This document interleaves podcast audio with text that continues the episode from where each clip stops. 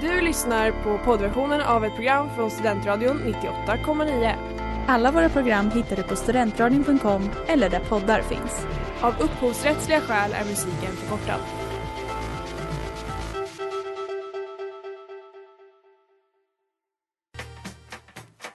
Hur är Uppsala som cykelstad? Men, men alltså verkligen, cred till alla rättshaverister där ute. Vad har ni för relation egentligen till näthat? Det faktumet att man kan bli tvångsgift. En möpare, det är en militärt överintresserad person. De som argumenterar för att public service ska vara skattefinansierat. Systembolaget har ju liksom den stora fördelen att de faktiskt säljer sprit. Alltså det gör ju inte. Sen lunch med PRK, ditt inrikespolitiska program. Varje onsdag klockan 18 på Studentradion 98,9. Ja, och det är udda måndag och Sen lunch med PK är tillbaka på Studentradion 98,9. Men inte som vanligt, utan det är ett virtuellt radioprogram kan man säga idag. Det är nämligen bara jag i studion och medan jag har mina älskade radiokollegor på Skype. Hej på er, hör ni mig? Vi hör dig klart och Hej, ja det gör vi. Härligt. Vad kul. Det här är lite nytt för oss alla. Det, Vi får se hur det går, men jag tror det här kan bli Verkligen. bra. Ja, men det blir spännande. Jag tycker vi löser det på ett bra sätt helt enkelt. Ja, eller hur? Det blir ju lite så här i pandemitider. Eh, men jag ska Ja. introducera oss. De som sänder idag det är jag, Elsie Josefsson. Vi har Mikael Eliasson, vi har Petter Fröberg och William Norling med oss på länk. Eh, vem var uppe längst i natt och såg valvakan? Jag tror det var du. Tror du? Jag tror, jag tror ändå det var William. Hur länge var ni vakna? Jag tror Ja, alltså, vi var ju på samma valvaka. Jag var ju uppe till 04, men jag gick väl hem typ an, andra av alla. Men sen tror jag även det var några kvar som var klar, kvar till 06. Typ. Okej, jag, var... Ja, ja, jag- jag, somnade 06.30 typ. Någonting sånt. Då stängde jag av tror jag. Ja. ja, jag kom hem vid sex. Sen tror jag hade det egen valvaka till sju ungefär. Och sen, sen packade jag ihop. Ja. Ja, men då kanske jag var uppe lägst. Jag passade på att sova mellan typ 11 och 1. För jag tänkte då vill jag sova innan och börja räkna röster. Och sen var jag kanske uppe till typ 4. Sov Ja, men det var ju rätt smart ändå. ja, smart Jag tror resten av oss är ju skittrötta idag. Alltså. Ja, Ja, ingen produktiv dag idag, men eh, nu är det radio, så nu är det kul. Ja, jag har inte pluggat hur? någonting faktiskt. Nej, hur känns det för resarna med plugget? Alltså det är ändå Nej, lite kontroll. mindre nu under MOS än vad det var typ under politisk teori och samhälls, eh, heter det, statsmaktsstrukturer tycker jag ändå. Men det är nog för att man har vant sig lite grann. Mm. Känner du William? Ja, men jag håller med. Det känns ganska lugnt. Vi, vi har det här under kontroll tycker jag. Härligt. Ja, Det är så det ska med. låta. Allting löser alltid. Men hörni, vi fortsätter på Skype efter en liten paus.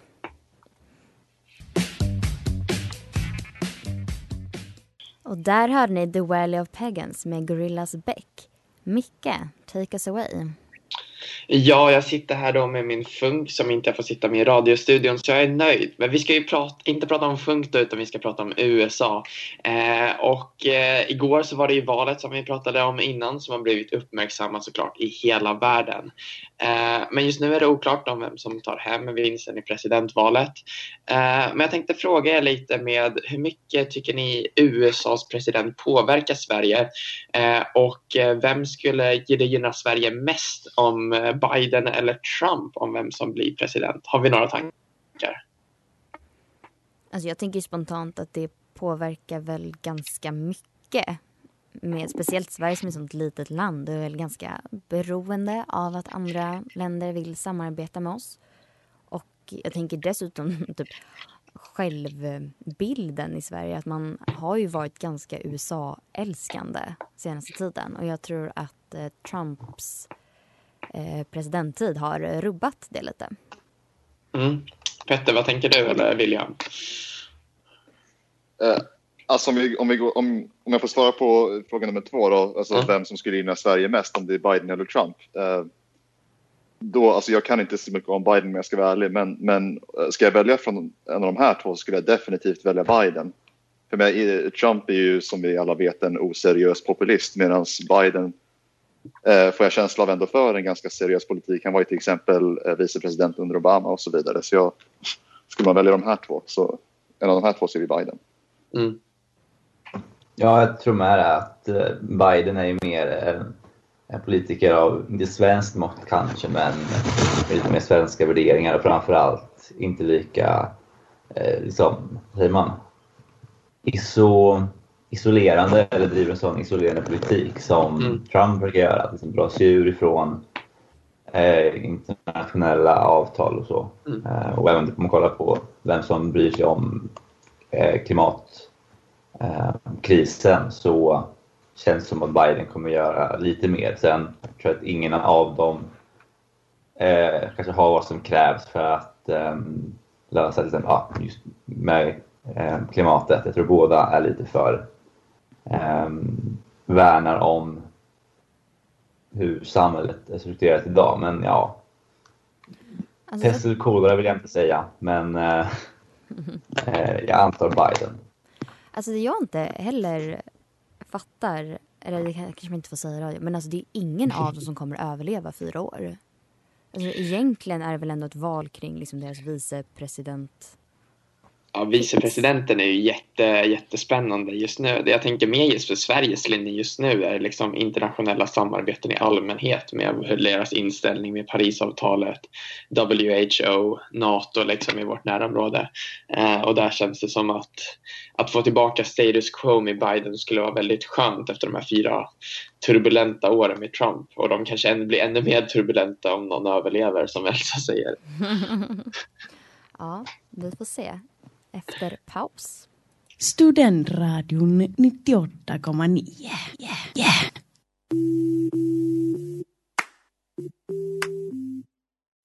Och där hörde ni Wisdom Teeth med B. Miller här på Studentradion 98,9. Och ni lyssnar på Sen lunch med PK.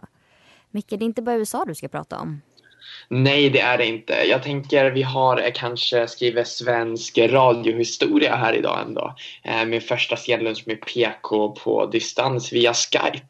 Eh, och då kanske man ska snacka då om Folkhälsomyndigheten lite. Och eh, idag så, eller under våren så hade ju då Sverige en linje för hela Eh, coronakrisen just med 50 personer och liknande. Men idag så har vi då lokala restriktioner i till exempel Halland, Jönköping, Stockholm och Uppsala. Och det går upp till 6,5 miljoner svenskar idag som har de här lokala restriktionerna.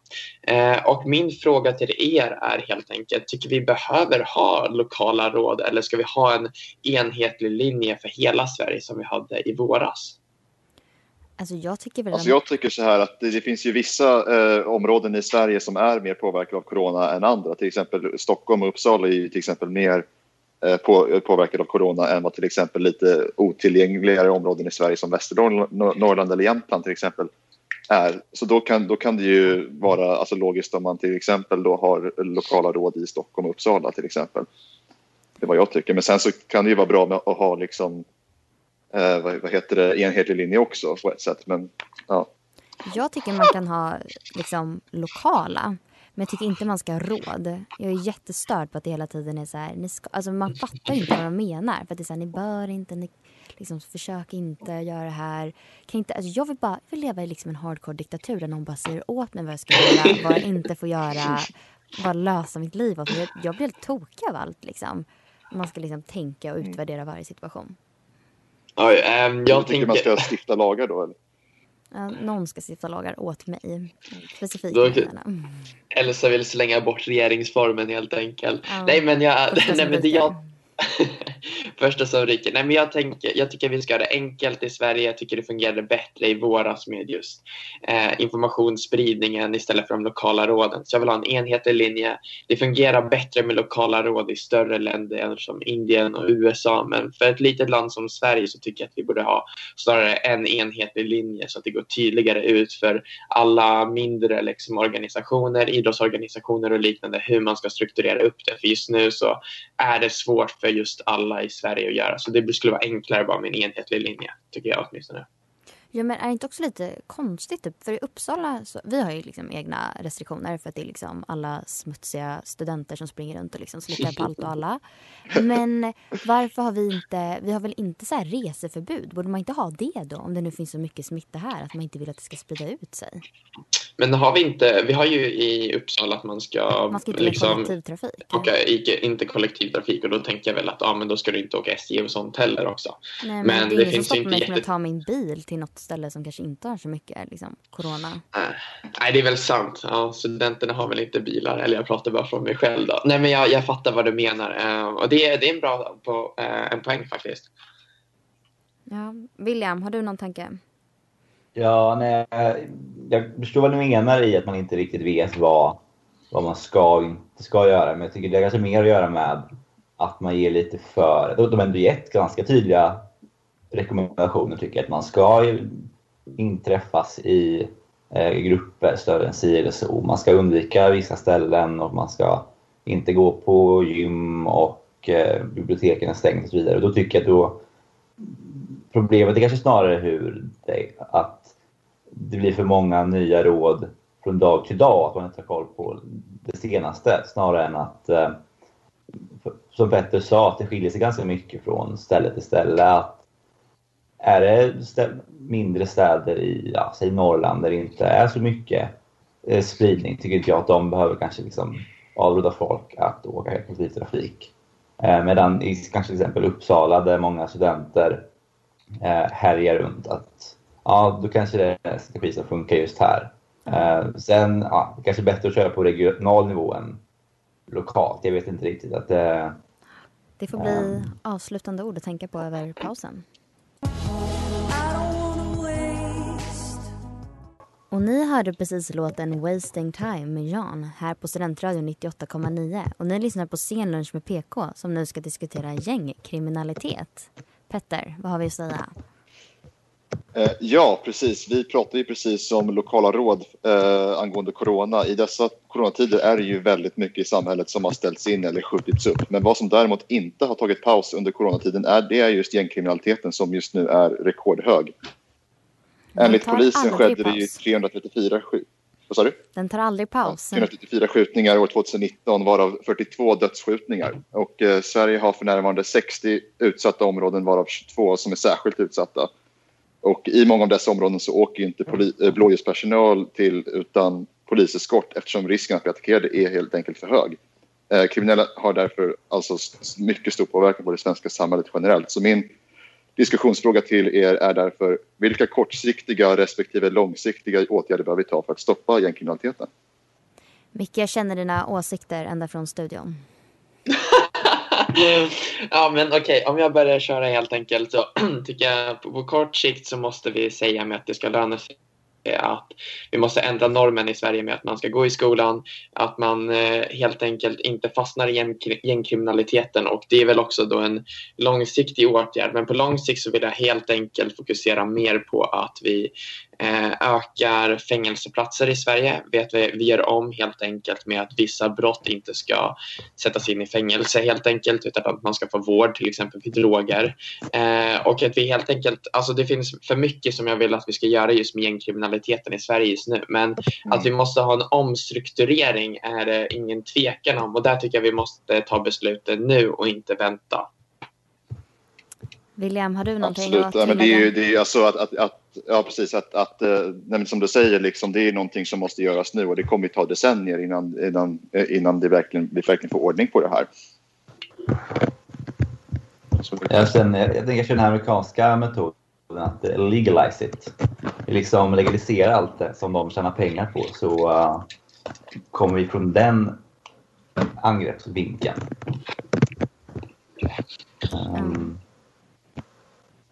Men ja, som sagt, det är ingenting man löser över en um, eh, tre sekunders prata, eller tre minuters prata i en studentpodd heller. Men eh, ja, jag vet inte.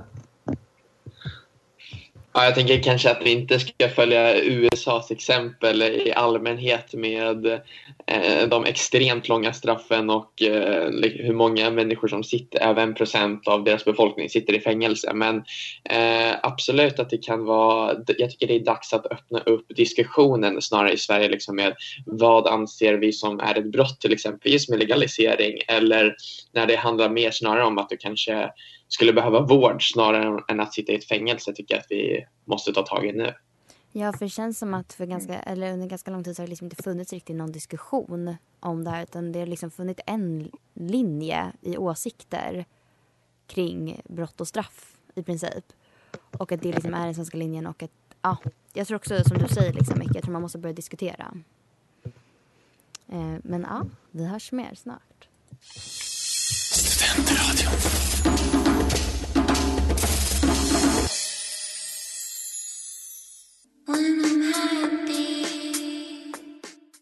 Och där hörde ni When in Summer I Forgot About The med Jay här på Studentradion 98,9 och ni lyssnar på Scenlunch med PK och Vänsterpartiet har en ny partiledare, eller hur?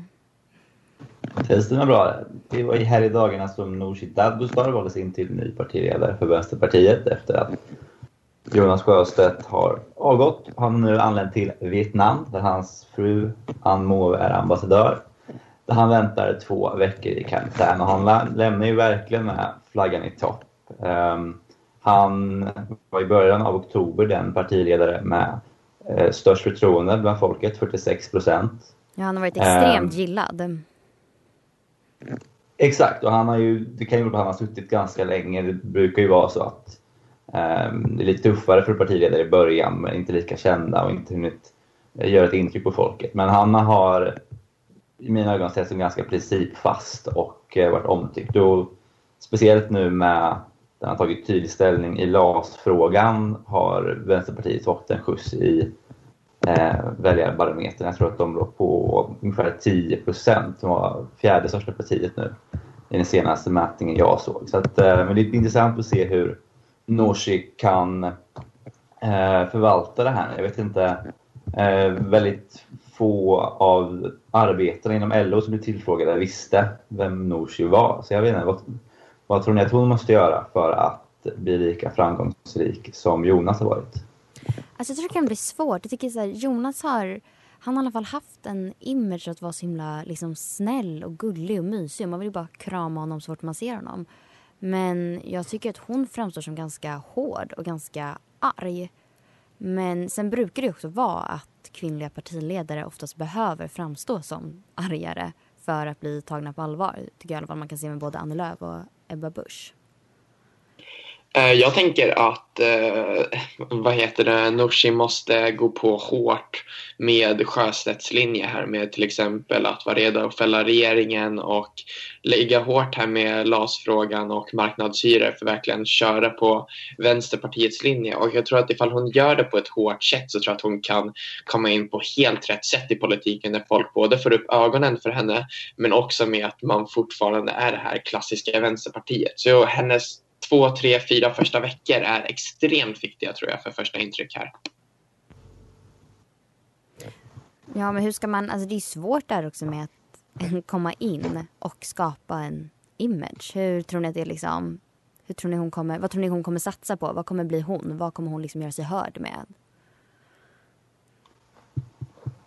Ja, det är väl just det att folk vet inte riktigt att um, man kan ju tänka sig att hon kommer driva på det här med arbetsfrågan eller arbetsskydd i början. Mm. Eh, samtidigt så en eh, undersökning igår där Ipsos visar att bara 36 procent av de tillfrågade stöder LAS som är idag. Um, Vilket kanske inte är tillräckligt för att, um, att partiet ska växa jättemycket. Dessutom har hon sagt att hon vill, ha, att hon vill ta, ta tillbaka arbetarväljare från, som har gått till Sverigedemokraterna Um, vilket jag tror är svårt eftersom att de flesta av dem har gått på grund av invandringen och invandringsfrågan. Och jag tror inte att Nooshi är villig att uh, ändra linje inom invandringen. Precis. Ja. Nej, nej, det blir spännande att se. Men nu tar vi en låt. Ni hörde precis Suddenly med Vargas Olagola här på Studentradion 98,9. Och du lyssnar på Scenlunch med PK. Vi ska prata Vänsterpartiet mer, eller hur Micke? Ja, det ska vi göra. Jag tänker att vi lämnar lite den nya partiledaren Nooshi Dadgostar och pratar lite mer i stort vart Vänsterpartiet ska någonstans.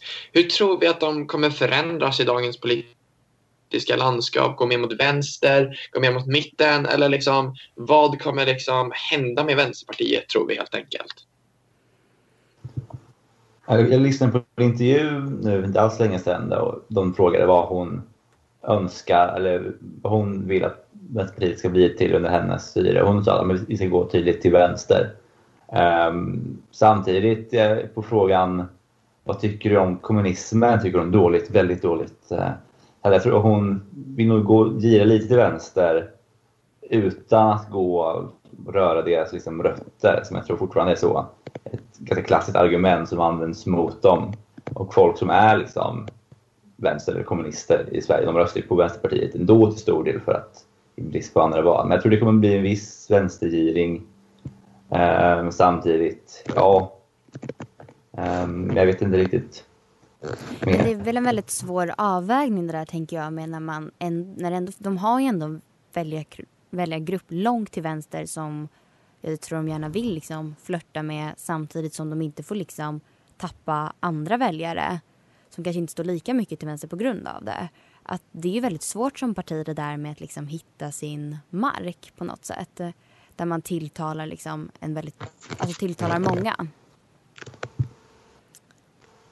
Eh, eh, jag tror, jag tror att de eh, liksom vill försöka prägla sig mer som ett tydligt vänsterparti just med just sossarna som har liksom ändå lämnat lite det här klassiska till exempel med LAS-frågan och marknadshyror. Jag tror det är också därför som Sjöstedt fick så högt förtroende just eh, när han avslutade just med att han verkligen höll kvar i sin liksom, linje helt enkelt. Jag tror de kommer fortsätta med det för det finns ett stort vakuum där på vänsterkanten eh, och där tror jag liksom de har jättestor potential att fånga upp eh, liksom en större väljarmassa helt enkelt. Ja, och det har väl varit, om man kollar på andra partier, typ Centerpartiet, så har det väl varit ganska framgångsrikt att hålla fast vid sin linje även när det går dåligt. Att det kommer ganska mycket payoff, att man inte liksom står och vaggar hela tiden. Eller vad säger du, Micke? Jo, men jag håller helt med. Där kan liksom Moderaterna ha hoppat lite fram och tillbaka till exempel just med man ser på SD och sånt. Men jag tror ändå mm. liksom folk, och folk eh, tror jag många är liksom ändå en del är trötta just på Socialdemokraterna, speciellt i LAS-frågan. Vi pratar just med 36 procent stöder nuvarande LAS. Men av de 36 procenten så finns det ganska mycket fler människor, tänker jag, att hämta för Vänsterpartiet. Just de som är på vänsterkanten. Att verkligen utprägla sig som arbetarnas parti på riktigt eh, tror jag skulle gynna dem definitivt jättemycket i opinionen. Mm. Ja, nej, det blir spännande att se. Och där hörde ni Come Away With Me med Tim Heidecker här på Studentradion 98,9. Och ni lyssnar på Sen lunch med PK. Hörrni, häromveckan satt jag och åt frukost framför Morgonstudion. En ganska mysig frukosttradition jag har. När jag plötsligt satt morgonkaffet i halsen. Nu tänker ni kanske, var det bästa Sölvesborg kommun som ännu en gång gett sig på prideflaggan? Eller hade fina Ebba återigen råkat missta Säpo för Uber-chaufförer? Men nej. Det var SVTs inslag om den nya framröstade domaren i USAs högsta domstol, Amy Coney Barrett. Istället för att referera till den nya domaren som juristen, advokaten, domaren, professorn, mrs, eller ja, varför inte bara hennes namn, Amy Coney Barrett, valde SVT den moderna vägen och kallade henne för sjubarnsmamman. Men hörni, existerar sexism hos svenska journalister verkligen? Eller är det även manliga domare som kommer direkt från spisen, likt sjubarnsmamman enligt SVT? Jag tog mig friheten att jämföra svensk medias refererande till sjubarnsmamman och tvåbarnspappan, a.k.a. Brett Kavanaugh, som svors in som domare i samma roll i USAs högsta domstol för två år sedan. Så här kommer min, vad jag hittat då. Så den 27 oktober 2020, alltså förra veckan, dagen efter Coney Barrett svors in, publicerade SVT en artikel om detta. Där den beskrivningen hon får är att hon är sjubarnsmamma, 48 år och katolik. Inget nämns om hennes yrke eller tidigare arbetslivserfarenheter. Och ungefär för två år sedan, den 7 oktober 2018, dagen efter Kavanaugh svors in, samma titel, publicerade SVT också en artikel där han refereras till som den konservativa juristen när han inte nämns vid sitt namn förstås. Inte på ett enda ställe nämns hur många barn han har, hans ålder eller hans religionstillhörighet trots att han då bara var fem år äldre än vad Coney Barrett är nu och är katolik, likt sjubarnsmamman. Men det är inte bara SVT som vägrat komma in i 2000-talet med oss andra. Utan jag har gjort samma jämförelse hos Expressen, Aftonbladet, SvD, DN etc. Jag har gått igenom de flesta medierna. Eh, och där hon hos alla dels refereras till som just sjubarnsmamman och dels inte verkar ha några andra egenskaper än att just för ett barn. Medan Kavanaugh däremot bara refereras till sitt namn eller på sin höjd den konservativa juristen. Och inte någonstans har det någonsin nämnts hur många barn han har eller att han ens är pappa. Så förutom att få kvinnor att förstå att de inte är gjorda för något annat än att ta hand om hem och barn, hur kan vi ändra inställningen till kvinnor i samhället, tycker vi på Scenlunch med PK? Vad ska vi göra för, mot det här för att lösa det här problemet? Har vi några tankar? Alltså det, är en, det är en väldigt komplex fråga och det krävs ju åtgärder som är väldigt långsiktiga för att göra det skulle jag säga. Ja, tror vi att det går att ändra inställningen? Till att kvinnor kan göra mer än att föda Det, barn? det går ju säkert men det, det kommer ju ta tid. Jag menar, koll- kollar vi hur Sverige var för hundra år sedan när det kom till just jämställdhet då var vi ju inte, då var vi ju typ sist i världen egentligen, alltså om man, om man jämför sig med idag. Mm. Kvinnor fick inte rösta, folk, alltså kvinnor gick ju oftast liksom med, med de täckte ju sig. Eh, och eh, de, de, fick, de var ju tvungna att jobba hemma och så. Nu är det ju inte så där alls idag, även om det finns, eh, jag håller med om, det finns fortfarande områden att jobba på. Men man ser ju att det håller på att gå åt rätt håll och jag tror att man kan få bort de här bilderna som du pratar om Elsa. Jag tycker det är jätteintressant. Alltså. Jag tycker just det är viktigt att ta upp liksom just individernas och liksom också journalisternas roll med just hur vi beskriver människor i dagens samhälle. Att verkligen alla har ett ansvar och att inte det är att okej, vi är jämställda, nu behöver vi inte tänka på det mer utan att alla verkligen tar sitt ansvar och verkligen jobbar för det helt enkelt. Ja, ja alltså jag tycker det är så himla sorgligt att vi liksom 2020 att kvinnor fortfarande blir liksom så otroligt förminskade av liksom svensk media som väl ändå ska vara bland det liksom mest progressiva i världen känns det som. Liksom. Eh, jämfört med andra länder. Och att vi fortfarande refererar till någon som har två stycken som har exakt samma titel. Den ena är en konservativ domare medan den andra är en sjubarnsmamma. Det är så sjukt. William, vill du säga något sista ord? Eh, ja, nej, jag tänkte bara att jag sökte på Amy Coney Barrett eh, och det första som kom upp som förslag var Amy Coney Barrett Children. Eh, Alltså, men också, värt Jag pallar inte det- Ja, det är fem biologiska barn och sen två, två barn han har adopterat från Haiti tror jag. Så Ja. att, eh, det är ändå krut i kvinnan får man säga. det får man verkligen ta och säga. Och det får bli våra ord innan vi går över på paus.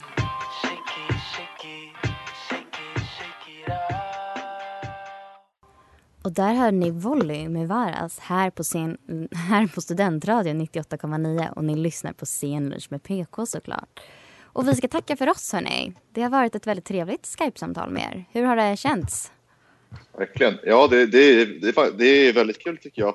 Alltså, även om det är på Skype nu och vi inte ser varandra så har vi ändå gjort det väldigt bra tycker jag och det är jätteroligt. Hur känner ni andra? Eh, ja, det Ja, känns verkligen. lite... Ja, kör du William. Nej, jag väntar att jag säga. Eh, ja, men det känns eh, lite ovant men eh, otroligt kul att vi ändå kan ha ett av UPS absolut viktigaste utskott igång tycker jag. Så jag är jätteglad. Härligt. Ja, och det som har sänt idag på Scenlunch på PK är jag, Elsie Josefsson, Mikael Eliasson, Petter Fröberg och William Norling. Och jag tänker som sista grej får alla gissa vem det är som vinner presidentvalet. Biden. Biden. Biden. Sagt det förr, sagt det igen. Biden. Ja, själv tror man på Kanye West fortfarande. Men hörni, vi hörs om två veckor. Ha det så bra tills dess. Hej då! Hej då. Hej då! Du har lyssnat på poddversionen av ett program från Studentradion 98,9. Alla våra program hittar du på studentradion.com eller där poddar finns. Och kom ihåg, att lyssna fritt är stort, att lyssna rätt är större.